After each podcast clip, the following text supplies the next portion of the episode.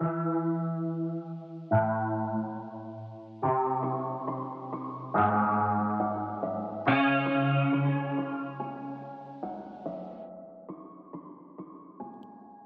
till Mord och mystik. En podd där du som lyssnare får höra om allt från kidnappningar och mord till märkliga händelser som skett runt om oss. Följ gärna podden på Instagram där den heter Mord och mystik.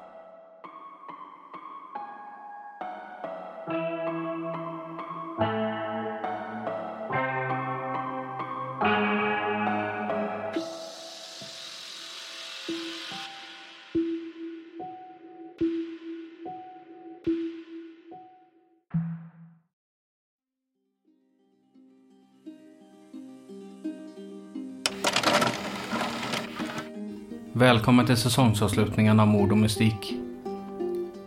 Som sista avsnitt vill vi dela med oss av ett lite speciellt fall som varit högaktuellt nu under sommaren. Vi är tillbaka med nya avsnitt inom kort. Stort tack för att du lyssnar på Mord och Mystik. Detta är berättelsen om Anders Övergård. En svensk tv-profil som den 21 juni stal tre köttbitar från sin lokala ICA Maxi-butik. Detta efter att butiksägaren, som haft problem med Anders under en längre tid, bett butikens väktare att punktmarkera honom under hans shoppingrunda och då sett att flera produkter inte skannats innan de stoppats ner i påsen. På grund av att Anders gjort sig känd genom tv-programmet Den arga snickaren skapade stölden stor uppmärksamhet och hans smeknamn kom snart att ändras till Den arga snattaren.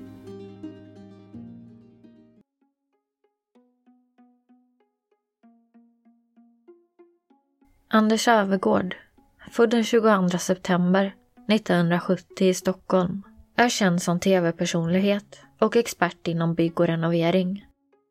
Men hans resa startade långt innan han blev känd för den breda allmänheten. Han är född och uppvuxen i Stockholm och han utvecklade tidigt ett intresse för hantverk. För Anders var det inte bara den tekniska sidan av snickeriet som lockade honom. Det var också glädjen av att skapa och se ett projekt utvecklas från början till slut och att ge liv åt byggnader och strukturer.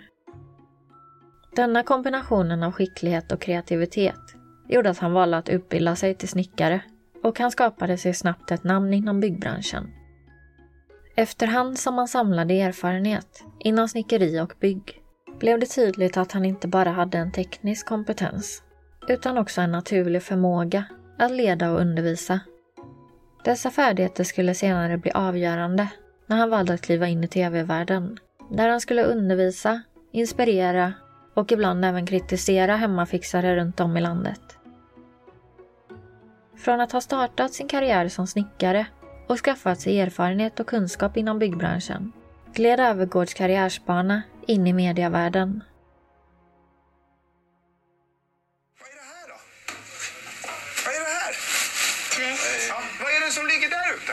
tvätt. Din tvätt. Så det här kan vi inte säga att det här är tvätt.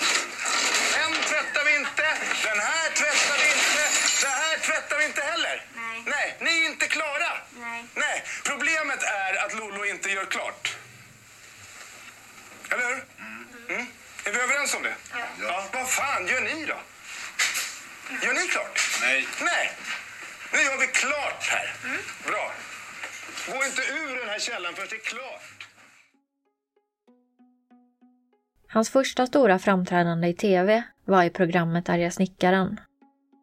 I detta program besöker Anders hushåll där renoveringsprojekt har gått fel av olika anledningar och hjälper dem att rätta till problemen. Hans tillvägagångssätt kombinerat med hans kunskap inom byggbranschen gjorde honom snabbt till en populär tv-personlighet. Programmet gav inte bara underhållning utan fungerade också lärorikt och hjälpte tittarna att undvika vanliga renoveringsmisstag. Förutom Maria Snickan har Anders deltagit i flera andra tv-program, varav flera utanför byggbranschen. Ett framstående exempel är den svenska versionen av Robinson, där han varit programledare. Medan hans deltagande i detta program gick utanför hans comfort zone gav det en chans att se en annan sida av honom och han blev snabbt populär bland tittarna. Ett av de mest distinkta dragen hos Anders är hans dräkta och ofta okonventionella kommunikationsstil. Många hävdar att hans tid inom Försvarsmakten bidragit till hans disciplin och strukturerade arbetsmetod och kommunikationssätt. Medan detta tillvägagångssätt har resulterat i många sevärda tv-ögonblick återspeglar det också honom som person. Han tvekar inte att ge direkt feedback, även om det kan uppfattas som hårt och kritiskt. Vilket ofta är fallet i Arga snickaren och också det som gett serien sitt namn. Den 21 juni runt klockan 14 anländer Anders Övergård till ICA Maxi i Värmdö. Han ska kompletteringshandla inför midsommar och köpa en del kött till tillfället.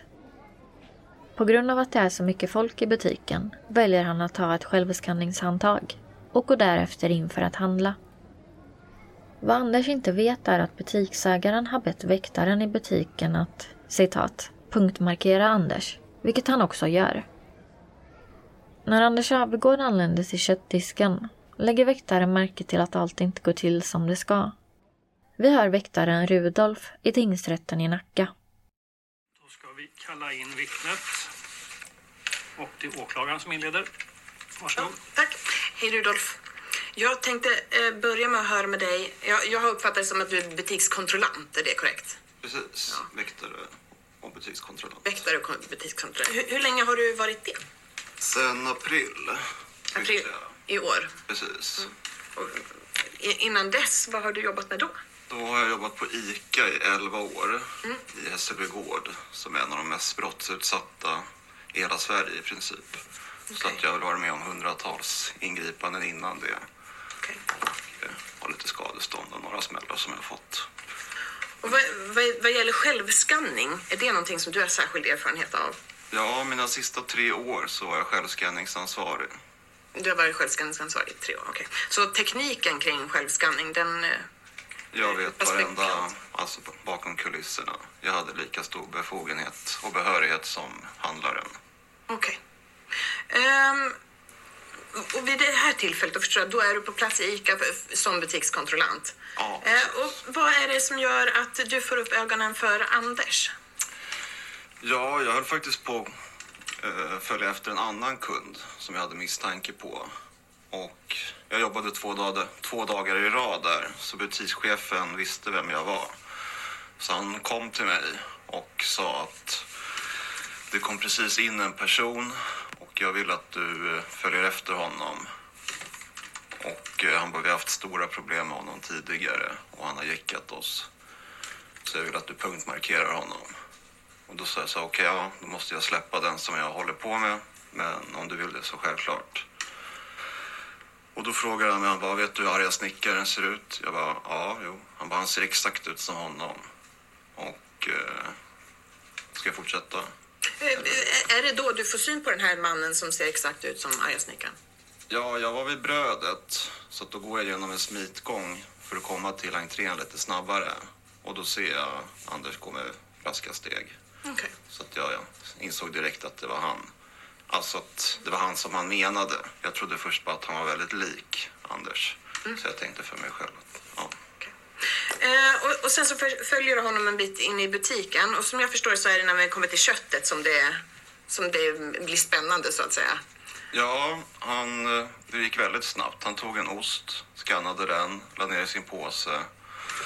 Sen gick han till köttet och eh, då finns det en köttdisk och så är det en kistbinge, en länga som är så här där man säljer superklipp och sådana saker.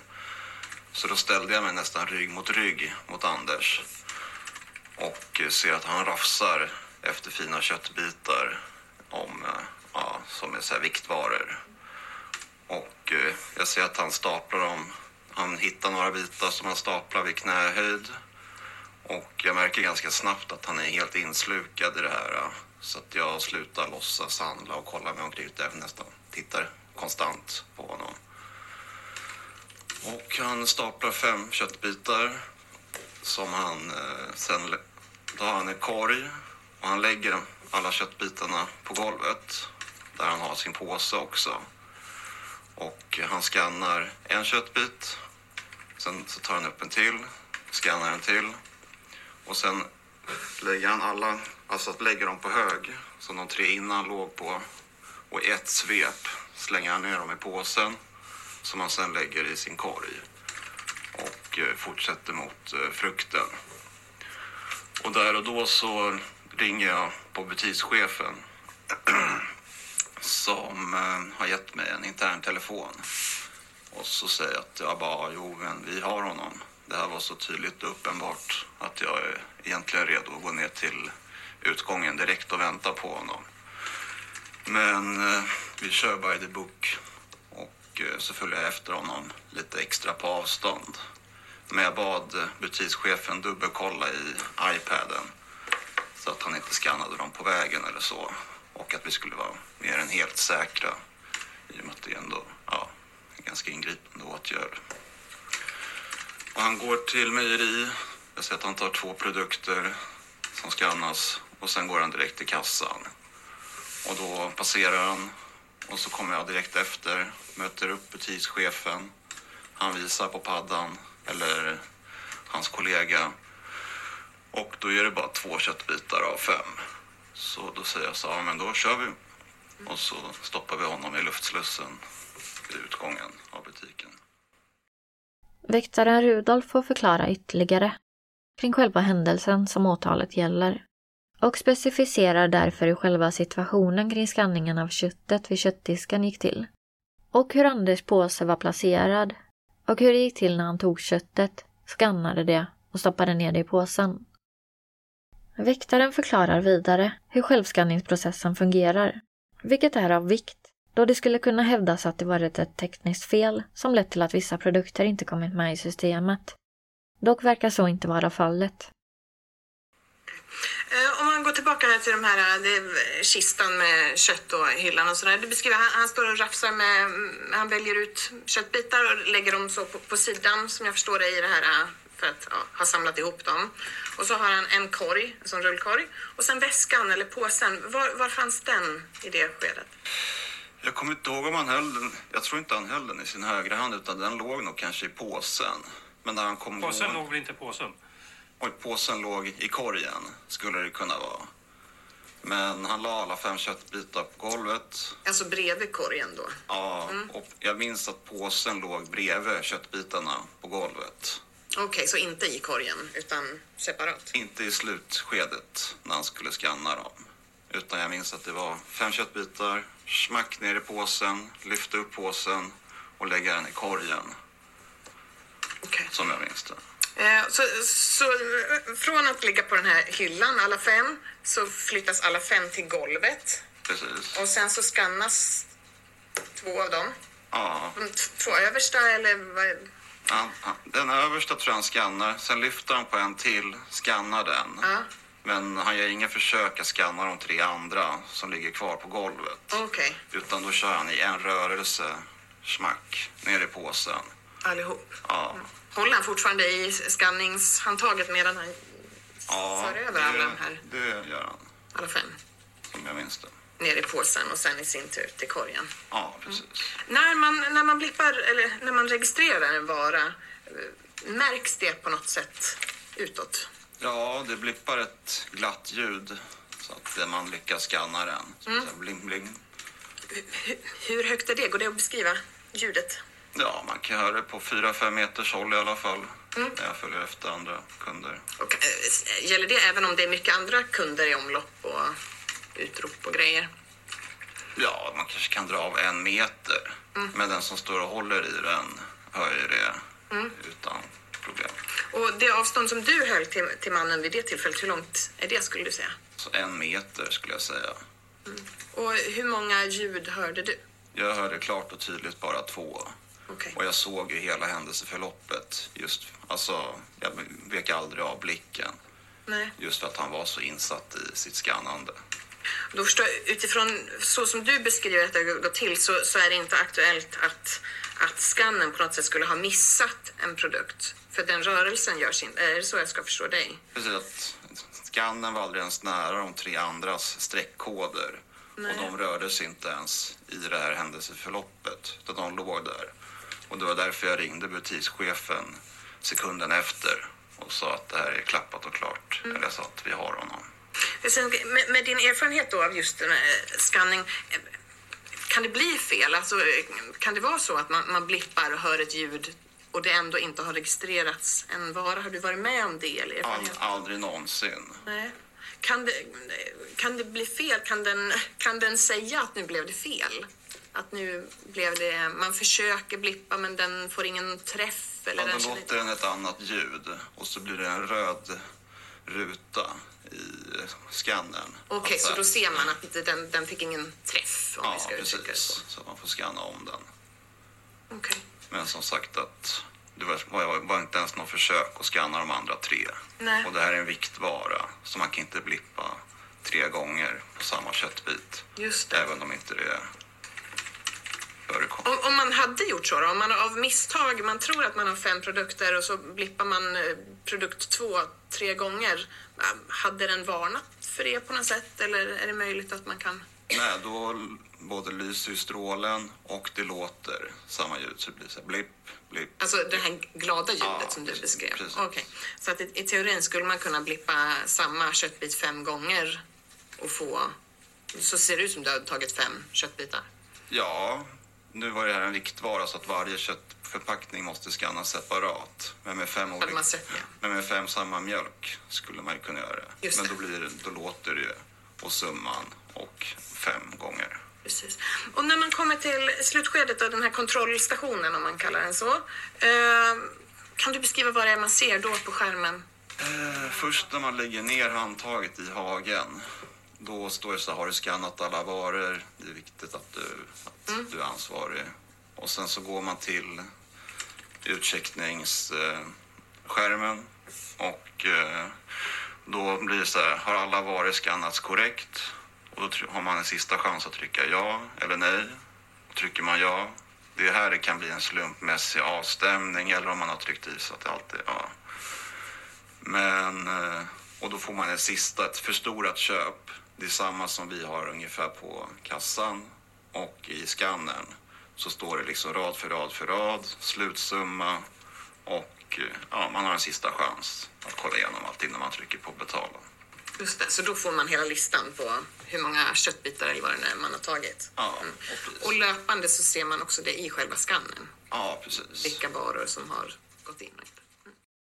Åklagaren återkommer nu till det som väktaren nämnde tidigare i förhöret. Att butikschefen sagt till honom att ha extra koll på Anders när han kommit in i butiken. Om det förväntats att kunden i fråga skulle stjäla. Eller vad som föranlett att butiksägaren uppmärksammat väktaren om kunden innan dess att Anders ens börjat handla. Och om det kan ha legat någon vikt vid att det var just en offentlig person som kom till butiken. Hade det någon påverkan på hur situationen uppkommit och utspelade sig? Eh, jag tänker lite så här. Ehm, eh, det är butikschefen som ger dig i uppdrag att du ska ha koll på den här mannen. Ja. Men känner du en förväntan om att man ska eh, gripa mannen eller göra ett ingripande mot, mot personen utifrån vad, vad butikschefen säger till dig? Nej, han, bad, han ville att jag skulle punktmarkera honom. Ja, Och eh, det var det jag gjorde. Men eh, och det enda han sa att han har jäckat oss väldigt länge och vi har haft stora problem med honom. Jag vill att du punktmarkerar honom. Just det. För jag tänker att det liksom lite ligger i det vi han har jäckat oss och vi har jätteproblem här. Att det finns en förhoppning om att, att få fast den här personen. Ja, eller att han förväntades stjäla. Det Okej. var nog hans. Och att jag skulle hålla koll på det. Ja. Jag tänker om, om man inte hade sett honom göra någonting tokigt där, hade, det, hade du ändå känt en, liksom, en förväntan om att man på något sätt skulle kontrollera honom efter kassorna eller att det Nej, det får man inte göra. Utan jag måste ju ha det på bar gärning. Mm. Och, eh, för jag, har ju samma rättigheter som en civilperson. Jag kan inte godtyckligt gå och rota i någons väska? Nej, absolut inte. Och jag har inte ens den behörigheten. Alltså, för jag gör en myndighetsutövning om jag skulle legitimera mig som väktare och be honom visa väska. Så att det får jag absolut inte göra. Då får en butikspersonal göra det i sådana fall. Okej. Eh, när upptäckte du, eller om, upptäckte du överhuvudtaget att det var fråga om arga snickaren och inte bara en man som var väldigt lik honom? Det var först när jag fick hans körkort för att skriva min griprapport som jag såg på efternamnet att det här är ju nog verkligen samma person. Okej, så innan dess så har du inte insett att det, att det Nej, faktiskt var... absolut inte. Då hade jag nog varit lite mer, ja. Lite mer vadå? Nej, jag vet inte, kanske mer nervös eller så. Eller, nu gjorde jag verkligen, jag är ju väldigt rättskaffen så gör allt by the book. Och det gjorde jag ju ändå innan. Men, ja. Så ditt agerande som jag ska förstå det har inte påverkats av att du har fått det här liksom ett särskilt uppdrag eller att det är en, en kändis som vi säger som Nej, verkligen inte. Och jag tyckte till och med att han var ganska med facit i hand.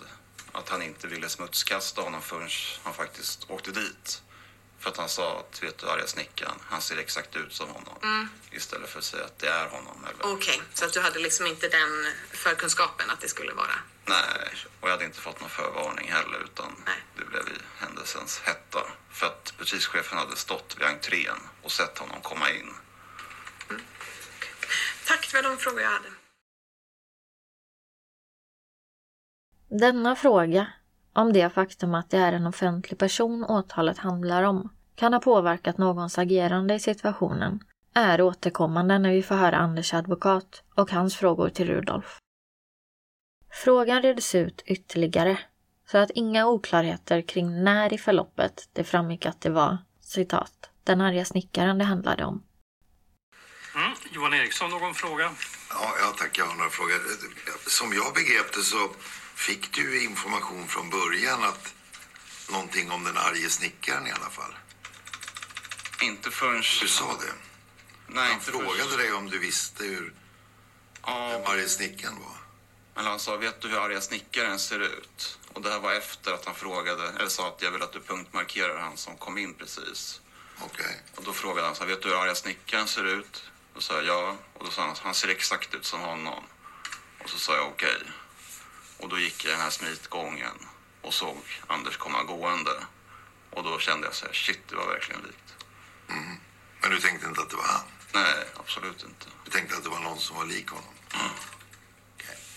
Och, och då säger du att han, han går och sen, tror jag du uttryckte det så, han rafsade bland köttbitarna. Han har beskrivit det som att han liksom valde bland köttbitarna. Vad skulle du säga om det? Ja, han stod och så lyfte han bit efter bit efter bit. La tillbaka att han eh, ville väl hitta dem som var bäst marmorerade eller fina köttbitar. Så han verkade leta efter bra köttbitar. Ja, precis. Och var la han dem när han hade valt ut dem? I knähöjd i den här kyldisken som, eh, så att han staplade liksom bit efter bit som han hade insett att den var bra. Du, du beskriver ju att du i och för sig inte hade jobbat så länge som kontrollant men du sa att du hade jobbat länge i butik så du hade erfarenhet av människor som stjäl i butiker som jag begriper. Um, gjorde han någon ansats för att se sig om? Det gjorde han faktiskt inte. Utan han var helt inslukad i det han gjorde. Ja. Och det gjorde ju att, för annars låtsas jag handla och kolla på grejer. Men det gjorde att jag kunde vända mig om och hålla konstant blick på honom. Jag tänker att det är väl skälet till att du som kontrollant annars försöker leka att du är kund i butiken och går runt och handlar för att inte de som stjäl ska uppmärksamma dig, eller hur? Precis. Så han gjorde ingenting i alla fall som fick dig, som, som gjorde att han höll koll på omgivningen eller tittade sig kring eller så. Nej, det gjorde han inte. Det var en butiksanställd som stod och plockade och tittade för att hon också tyckte att det var lite så här slafsigt beteende. Att, att han liksom rafsade, bytte. sh- sh- sh. Okej, så det fanns också någon anställd i butiken i närheten där också? Ja, precis. Så Ja, men, hur, hur kan man se att någon är anställd i butiken? att hon har butikskläder och eh, hon var väl kanske 15 meter bort och plockade i en annan hylla. Okej, så relativt nära honom i alla fall på synhåll så fanns det också någon anställd i butiken? Ja, Ja. Och ändå gjorde han ingen ansats för att se sig om? nej. Okej. Vid själva tillfället då Anders väljer sina köttbitar och skannar dessa och ska stoppa ner dem i sin påse är något som även Anders advokat vill fråga om. så det inte råder några tvivel kring förloppet. Detta på grund av att väktaren och Anders har beskrivit detta händelseförlopp på olika sätt. Väktaren beskriver därför än en gång hur han sett på situationen. Det råder också skilda meningar kring hur mycket folk det varit i butiken vid tillfället och om detta kan ha spelat någon roll kring självskanningssystemet, då detta ger ifrån sig ljud vid tillfället man skannar. Ljud som kanske är svårare att uppfatta om det är mycket andra ljud i närheten. Sen har han valt ut de här köttbitarna och då har han beskrivit att han lägger ner köttbitarna i påsen och så blippar han i påsen. Så minns inte jag det. Nej. Utan, Och, och då... I domstolar är vi ju lite, är vi liksom lite noga med saker och det tror jag du är också. För du, vid några tillfällen så säger du som jag minns det.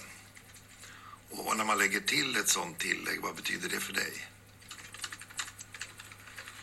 oj. Jag försöker väl bara med att vara säker, att lite ödmjuk i mitt uttalande. Ja. Och ödmjukheten då kan indikera någon form av osäkerhet då, tänker jag. Ja, nej, det skulle jag ändå inte vilja säga. Det är nog mer min personlighet. Han säger, ja, han, om jag ska beskriva vad han har sagt då så får någon protestera om, om det är fel. Han säger att han väljer köttbitar. Han lägger dem på kanten av den här disken till dess att han har fem köttbitar. Och sen kommer han att placera dem i sin påse som han har i korgen. Ja, Då blippar han medan de ligger i påsen. Ja, nej, så var det inte. Utan du menar att han har dem på sidan, lägger ner dem på golvet. Och var har han påsen då? då? Att påsen låg antingen bredvid eller så sk- skulle jag kunna sträcka mig att påsen låg på marken helt platt och där låg köttbitarna. Men eh, Men, men han hade ju handlat någon ost innan, var det inte så? precis, en gruyèreost. Och hade han inte den... En dessertost. Okej. Hade han inte den osten i påsen då? Jo, det hade han. Kunde han ha tagit ur påsen ur korgen då och lagt den på sidan menar du? Ja, Så han lyfter ur påsen ur korgen för att lyfta tillbaka påsen i korgen? ja det är den minnesbilden jag har. i din minnesbild. Okej. Det här med, med ljud då, från den där blippen. Så, eh, han har beskrivit att det är rätt mycket kunder i butiken. Det är några dagar före midsommar. Vad är din uppfattning? Jag skulle nog säga att det var ganska lugnt ändå. Klockan var väl inte så mycket. Elva, jag hade bara jobbat i 40 minuter. Och eh, jag hörde ju klart och tydligt. Och, så, och det var inte kunder runt omkring. Det är ju en, en helt av mig egen betraktelse, men alltså, om man går runt i en butik så brukar man ju inte höra några sådana här blippljud om man rör sig som kund. Där du som kund själv ska... Nej, alltså de, ja, från andra kunder. Ja, nej, som jag sa, fem meter skulle jag... Jag följer of- ofta efter självskanningskunder. Ja, Och fem meter kanske, där kan, skulle det kunna vara att man inte hör. Om folk pratar i närheten då, eller det är väl det är musik eller... Ja, det är ju klart att det kan bli en annan meter av vägning då. Men... eh, Ja. Även advokaten vill reda ut hur det kommer sig att väktaren punktmarkerade Anders inne i butiken och om detta kan ha föranletts av att det var en offentlig person. Men väktaren menar att butiksägaren och handlaren sagt att den arga snickaren blivit ett arbetsmiljöproblem i butiken. Vid tidigare situationer hade anställda i butiken valt att konfrontera honom, vilket hade eskalerat situationen. Så numera var det bara väktaren som skulle få ingripa mot Anders om det behövdes. Att det skulle förekommit situationer tidigare i butiken med Anders om tvivelaktiga köp är något som framgår tidigare. När vi får höra väktaren berätta om vad som utspelade sig senare, när han tagit in den misstänkta i det så kallade griprummet. Ditt uppdrag eh, var då så viktigt att du lämnade en annan kund som du hade för dig, antar jag, betett sig på något sätt som fick dig att, att bli misstänksam. Precis. Den kunden fick löpa. Ja, den kunden hade en mascarapenna i sin hand som, hon, som jag följde efter och kollade på. Men jag frågade ju butikschefen uttryckligen att då kommer jag släppa den här kund, kunden och lägga krut på det han bad om. Och det sa han ja på. Så då de misstankarna fick vara så fick du fokusera på en kund. Det tyder väl ändå på något sätt att det fanns någon slags grundidé om att den här kunden eh, var viktig att kolla. För butikschefen, inte för dig, men för butikschefen vad det verkar. Ja, jo precis. Och handlaren också. Vi pratade efteråt också. Och det var ju tydligt att det hade blivit ett sånt arbetsmiljöproblem med tidigare konfrontationer. Så det var bara en butikskontrollant som skulle få ingripa mot Anders framöver. Han vet ingenting om det. Tyckte du att han var otrevlig? Nej, vi hade väldigt trevligt. Vi satt i över en timme och pratade. Ja. Vad sa han till dig? Han, hur menar du från början eller under Ja, hela? sa, sa han ja, jag, jag snodde de där bitarna eller vad sa han? Nej, han sa att det var ett misstag och att då måste vi göra det här rätt. Och då gick vi in i griprummet och så sa jag att du köper för 400 och blippar inte för 400. Att det inte är rimligt. Och han sa att det var ett misstag ändå. Butikschefen sa att ja, men vi tjänar ingenting till att sitta här och dividera utan vi ringer polisen så får de avgöra det här. Och eh, Uppfattade du honom som ett arbetsmiljöproblem för dig? nej, inte för min del, absolut Nej. inte. Jag legitimerade mig som väktare dock och Han betedde sig rimligt. absolut. Sa att det måste ha varit ett misstag. Och han bad ju mig, eller om vi, ja, han frågade, för i och med att vi satt vid kassalinjen, om vi kunde sköta det snyggt och eh, för kameror och ja, medieuppbåd. Och vad menar han med det, sköta det snyggt? Nej, att, att det inte skulle göra mer skada än nödvändigt, kan jag tänka mig. Och när du pratar om kameror och så, var det att han skulle bli igenkänd där på plats? Ja, precis. Han ville inte att folk skulle se honom. Precis. Och då sa jag att jag har ingen intention att straffa dig hårdare än för det här brottet i sig. Och då sa han att det här är inget brott, det är ett misstag. Och då sa jag att jag bara, du, jag kan vara ärlig med dig. Att det, butikschefen kom till mig och bad mig följa efter dig. För att han sa att han hade, de hade haft problem med dig tidigare. Så att det här var inte så att jag hade misstanke på dig. Utan eh, så att jag var också att det är ett misstag köper inte jag riktigt om vi ska vara ärliga med varandra. Och då sa han att det här var inte alls kul att få höra men det är ett misstag. Och då sa jag så okej, okay, jag försökte i alla fall men Förhöret avslutas med att väktaren får förklara hur självskanningssystemet fungerar och huruvida det är troligt att det hela varit ett misstag. Vilket är den inställningen Anders själv har till åtalet. Här blir också systemet för avstämningarna i butiken förklarat, vilket ger en inblick i en typ av lojalitetssystem som automatiskt påverkas av hur kundens tidigare avstämningar gått, vilket påverkar frekvensen för framtida avstämningar. Du som har erfarenhet av det där med, med självskanning och så, förekommer det att det sker misstag? Folk har för mycket varor eller blippat för många gånger eller? ja, någon vara brukar förekomma. Och självskanningsprogrammet är utgjort så att det ska lösa sig självt. Att butikspersonal ska inte gå i konflikter och bråka och ha sig. Utan självskanningsprogrammet ska öka avstämningsprocenten så att eh, kunden, om du förstår hur jag menar.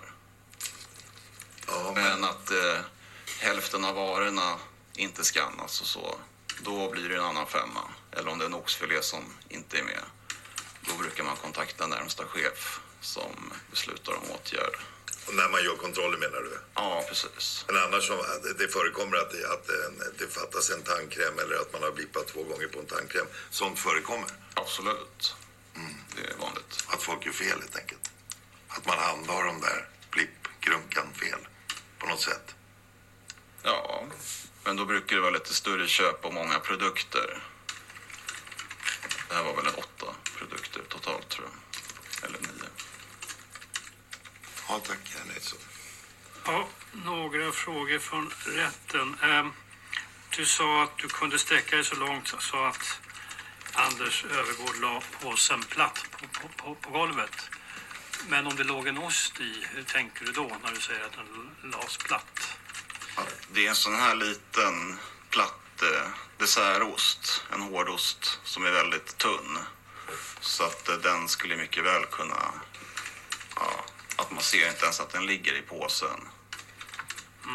Att den är så liten. Eh, En annan fråga. Du, eh, det här med avstämning. Det, kan det hända slumpvis att man liksom testar någon? Att de, eller, vad menas med avstämning? Att dels det är slumpmässiga avsnitt. Ja, jag kan ju berätta men. Dels om du en gång i månaden så är det alltid en avstämning. Och sen beroende på vilken lojalitetsprocent du har, det finns 1 till 7. En gång i månaden för varje viss kund eller? Ja, det, det kommer man inte undan som kund. Och är det hög upp i lojaliteten, då är det en delavstämning oftast. Men det finns kanske 2 chans att det blir en helavstämning. Och det här är grundinställningarna till alla butiker. Sen kan varje butik ställa in själv om de vill också. Men hur var det i den här butiken? Med inställningar och så. Med, med avstämningar. Jag vet inte riktigt om jag förstår vad du menar. Eh, Du talar om lojaliteter och annat. Ja, jag går mer in på hur programmet fungerar i sin helhet. Jag var ju inte självskanningsansvarig på den där butiken, utan en annan. Och hur de har det där kan jag inte svara på. Men jag kan berätta hur grundsystemet är uppbyggt. Eh, Du talade om, det lät som det i alla fall, att han la skannen i hagen. Så Är det riktigt uppfattat? Är det någon korg då som man, när man är klar med, med sina inköp så lägger man Det är stora racketställningar där varje handtag kan placeras. Sen en sak som kanske kan verka perifer. Du, som jag uppfattade dig så kunde du då inte, kan du inte kontrollera en kunds väska för du har inte sådan behörighet. Eh, och att man då får tillkalla väktare för att göra det. Nej, det var tvärtom. Att butikspersonal kan ju... Ja, det sa du också. Jag kanske missförstod dig då, för jag fick intrycket av att du inte var väktare då. Men så, Jo, jo, jo. Jag är väktare och eh, butikskontrollant i Och det är frågetecknet uträtat. Ja, om det inte är någon ytterligare fråga till vittnet så är förhöret avslutat. Ja. Vi ska nu få höra Anders Övergårds förhör i tingsrätten och hur han ställer sig till åtalet. Han börjar med att förklara allmänt kring dagen och hur handlingen och den efterföljande situationen gått till enligt honom. Lite.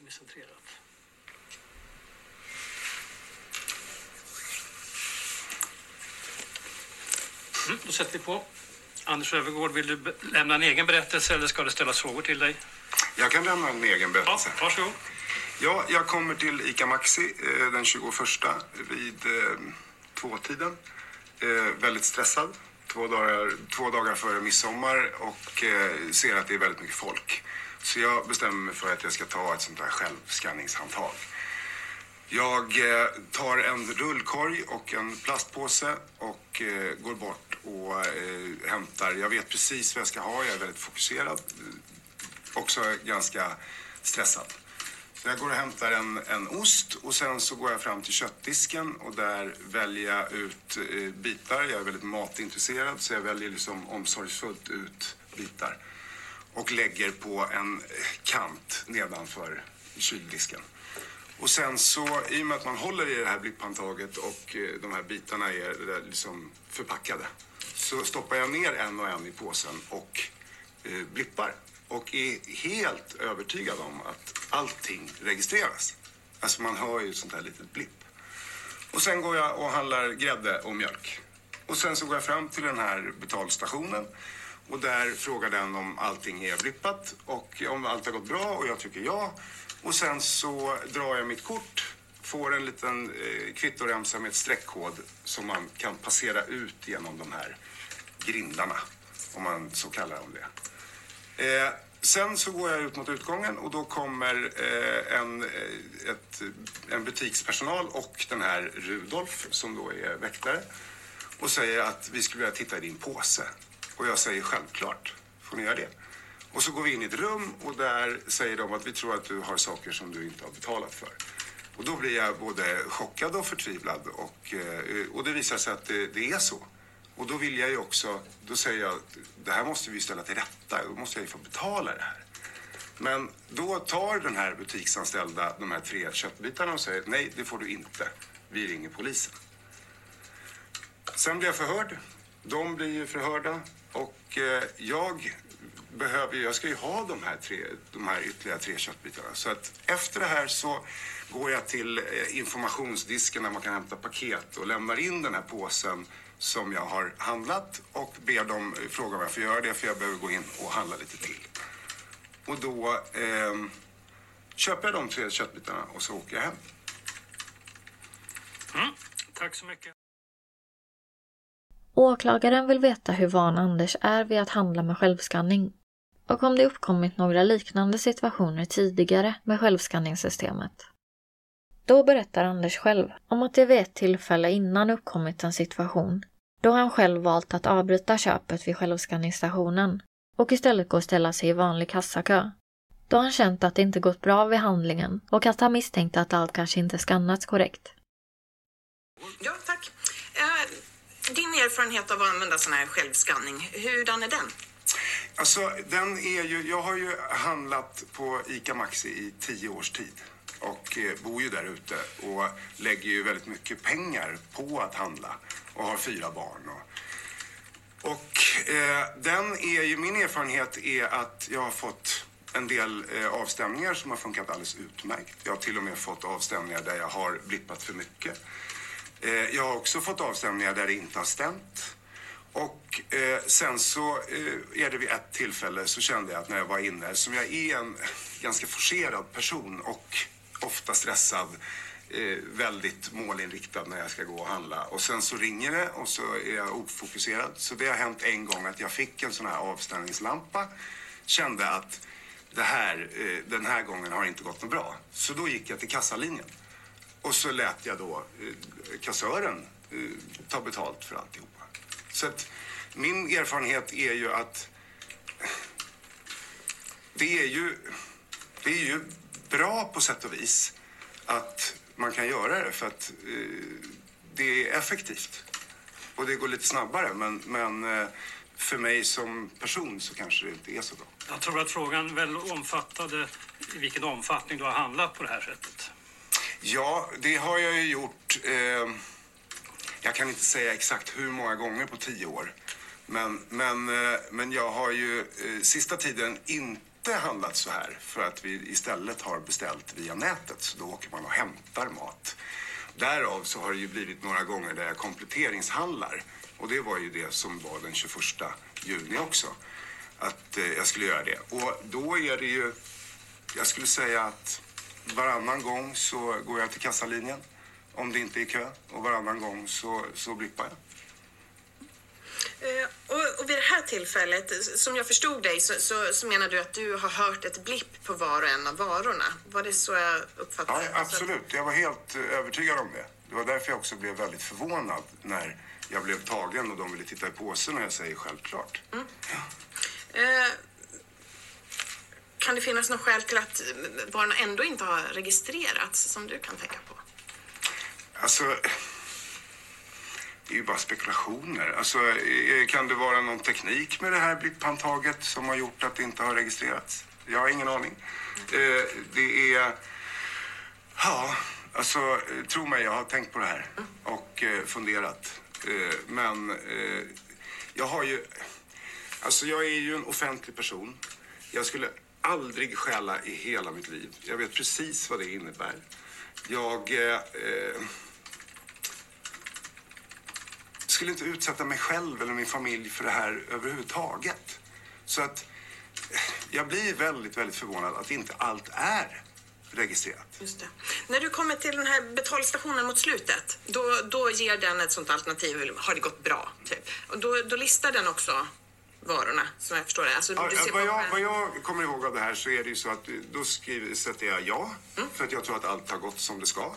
Eh, sen kommer det upp eh, alltså på skärmen eh, ett kvitto, men då står det också vill du betala med kort. Mm. Ja, och så betalar jag. Alltså, jag det, här är ju inte bra, men jag tittar inte ens på vad det kostar. Så det, det har varit en lista liksom, där. det, Ja. jag tittar inte på vad det kostar överhuvudtaget. Jag är där och kompletteringshandlar. Eh, om jag handlar på nätet för 3000 kronor så, så kanske jag ser vad det kostar. Men inte här. Och, och det då trots att det, det uppenbarligen har hänt vid ett tidigare tillfälle att det, att det blev en miss. Den här Att det gången. har blivit avstämning, ja. Ja, men och att du kände själv att det, nu, det här gick inget bra. Ja. Tyckte jag du sa, så då gick du att kontrollera. Så, att, Tyvärr så, så, så är det så. mm, så då har du ändå den erfarenheten av att ibland så... Av, Jo, men alltså det är ju nu, den här, är, alltså, den här gången så kände jag verkligen att det här, det är inga konstigheter. blippat. Ja. Och, men, men den gången innan när det blev avstämning, jag kände att det här var jätterörigt. Mm. Det pratar telefon och det kommer fram folk som vill ha hjälp med hur man sätter in takfönster och det ska vara altaner och, och då kände jag att det här, det här gick inget bra. Och då gick jag till kassalinjen. Men vid det här tillfället så var det ju för sig, du var stressad men det var inte det här andra kaoset. Nej, det var ju väldigt mycket folk i butiken. Så skulle jag säga. Och därför så valde jag också ett eh, skanninghandtag. För att det skulle bli mer effektivt. Nu får Anders berätta sin syn på hur själva inköpet och skanningen av köttbitarna gick till. Något som det råder delade meningar om mellan Anders och väktaren. Som jag, nu har vi inte hört vittnet än, men som, som jag uppfattar honom från förundersökningen så har han uppfattat det som att du har tagit flera paket liksom lite i klump. Förstår du? Jag menar att man tar två köttpaket liksom på hög och lägger ner samtidigt. Ja, alltså det, är- det, det är väldigt svårt. Jag, jag, jag har tänkt på det här också. Det är väldigt svårt att liksom ta flera paket när du har en liten rullvagn och en plastpåse som inte eh, står öppen. Och så har du ett skanninghandtag. Så, så att jag, jag, det jag minns eh, väl, tycker jag, det är att jag tar liksom en i taget, lägger ner och blippar i påsen. För annars så är det, jag kan inte ta liksom flera, de, det, blir ju, det går inte att greppa det. Men det är, när, det är när produkterna väl har landat i påsen som du kör blippen? Ja. Okej. Eh, ja, då har jag egentligen inga fler frågor faktiskt. Mm, tack. Har Johan Eriksson några frågor? Ja, Jag bara tänkte det, eh, något då. Du säger att du har en sån här rullvagn. Ja, en sån här liten svart En, rulle. ja, du menar liksom Inte en stor. En korg och sen så på den här korgen så har du... Så ligger det i en påse. Ja, och i- där lägger du ner det du köper. Köper du några mer saker än de här fem köttbitarna? Ja, jag köper en, eh, en ost och jag köper eh, grädde och jag köper mjölk. Mm. Så du går runt i affären och handlar. Och så kommer du till den här köttdisken då. Och nu har du talat om hur de, hur de ser ut de här köttbitarna. Men kommer du ihåg ungefär hur det gick till när du köpte köttet? Eller när du valde ut köttbitarna? Ja, men alltså, jag väl- väljer ut omsorgsfullt eftersom jag gillar att laga mat och Ja. jag, jag liksom vill göra det här. Så jag, jag tar ju en sån här vakuumförpackad köttbit som ligger på en kartongbit och så lägger jag den på kanten, en efter en. Okej, Och jag vet att jag ska ha tre eh, biffar och två entrecôter. okej. Ja. Så när du säger lägger dem på kanten, då lägger du dem på kanten. Är Alltså, den det- hög eller låg? Nej, knähöjd. Knähöjd, okej. Så till sist har du fem. Då har jag fem bitar där. Sen tar jag en i taget, lägger ner i påsen, blippar. Okej. En i taget. För du sa det är svårt för mig att hålla. Det, det du menar med det är att du kan inte ta alla de här fem i en hand. Nej men alltså jag, jag blippar i påsen för jag kan inte, för att ta de här fem, det är alltså nästan, alltså det blir en 20 centimeters hög som ligger på en pappbit som då är, det, blir, det går inte Nej. att ta i det ens. Utan du lägger ner dem i Och påsen. sen ska du då dessutom öppna påsen och hålla i ett blipphandtag. Alltså, Så därför väljer jag att ta en i taget och lägga ner en. Okej. Och blippa ner i Så påsen. att när blippandet sker så är köttet i påsen. Ja. Och där och då, det har du ju sagt, men då är du övertygad om att, att allt har blippats. ja men alltså jag känner ju på den här skanninghandtaget att Hur, hur allting- känner man det? Alltså, det, jag vet inte om det är en vibration i det, men, men eh, det, det kommer ju liksom... Man känner när du trycker på knappen så känner man en signal. Okej. Ja. Så det är så man gör, man trycker på en knapp och så... Och så är det som en liten laserstråle som går på streckkoden och så, Okej. eh, och så registreras det. Okej. Så din uppfattning är att det är så det går till? Ja. Och sen går du... Handlar det någonting mer efter det här? Att du har tagit köttet? Något av det där som du beskriver? Eh, ja, jag går bort till, till mejerikylen och handlar en, eh, en liten eh, grädde och ett större paket mjölk. Den här... Eh, det vet man om man har läst förundersökningen att det, det, är två personer som du kommer att komma i kontakt med efter det här, inte sant? Mm. Känner du någon av dem? Nej. Känner du någon annan? Känner du ägaren till den här butiken till exempel? Jag vet ju vem ägaren är. Vi, vi uh, spelar ju golf på samma golfklubb. Mm. Mm. Och jag har ju också hört, och sen, alltså jag är ju återigen en offentlig person. Jag har ögonen på mig hela tiden. Och jag har ju också hört till och med att jag skulle eh, inte ha betalat öl på min egen golfklubb. Och det här är ju så knasigt för att jag till och med eh, alltså har ett konto där så jag förbetalar där det då eh, dras av från den betalning jag har gjort. Men i och med att jag har ögon på mig så, så kan folk tänka att ja, men, kolla, han betalar inte. Och så blir det väldigt mycket prat. Det här är ju baksidan. Så är det. Mm. Jag är nöjd så, tack. Jag skulle, det var kanske jag som missförstod. Men för nu, nu uppfattar jag på, på din försvarsfråga att du känner i handtaget att det liksom Nej, händer alltså det blippar till. Det blippar till. Ett ljud, pling? Eller är det... Ja, det är ett väldigt, väldigt litet då, alltså ett, ett lågt ljud. Ett lågt ljud? Ja. ja. Och hör du det gånger fem på de här köttbitarna? Ja, alltså min upplevelse är att jag hör alla de här. Okej, okay. ja. tack. Då var det bara det. Mm. Mm. Någon fråga från rätten. Om jag förstod det rätt så köpte du ost först. Ja. Och sen gick du till köttdisken. Ja. Och så tog du de här fem förpackningarna. Mm. Så la du dem i en hög då på någon ramp eller kant. I en kant där framför. Mm. Och sen tog du ett paket i sänder. Ja. Och så blippar du i påsen eller i... Jag lägger ner paketet, köttbiten, i påsen på osten som jag hade blippat innan och blippar ner det i påsen. För det är väldigt svårt liksom att få ner allt annars. För det är liksom händerna är fulla. Ja, och jag har förstått det. Och sen gick du till mejeridisken och tog en liten grädde och en stor mjölk. Ja. Mm. Gott, då är förhöret avslutat. Tingsrättens dom faller den 7 augusti 2023 där Anders Övergård döms för ringa stöld då han stulit tre köttbitar till ett värde av 400 kronor vid tillfället.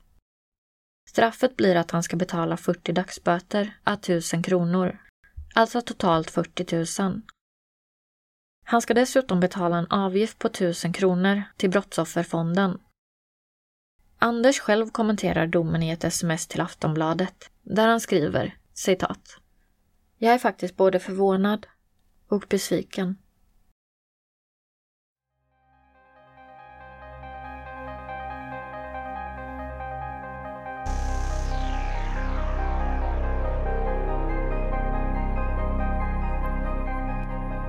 Detta var allt som vi på Mord och Mystik hade att bjuda på denna veckan.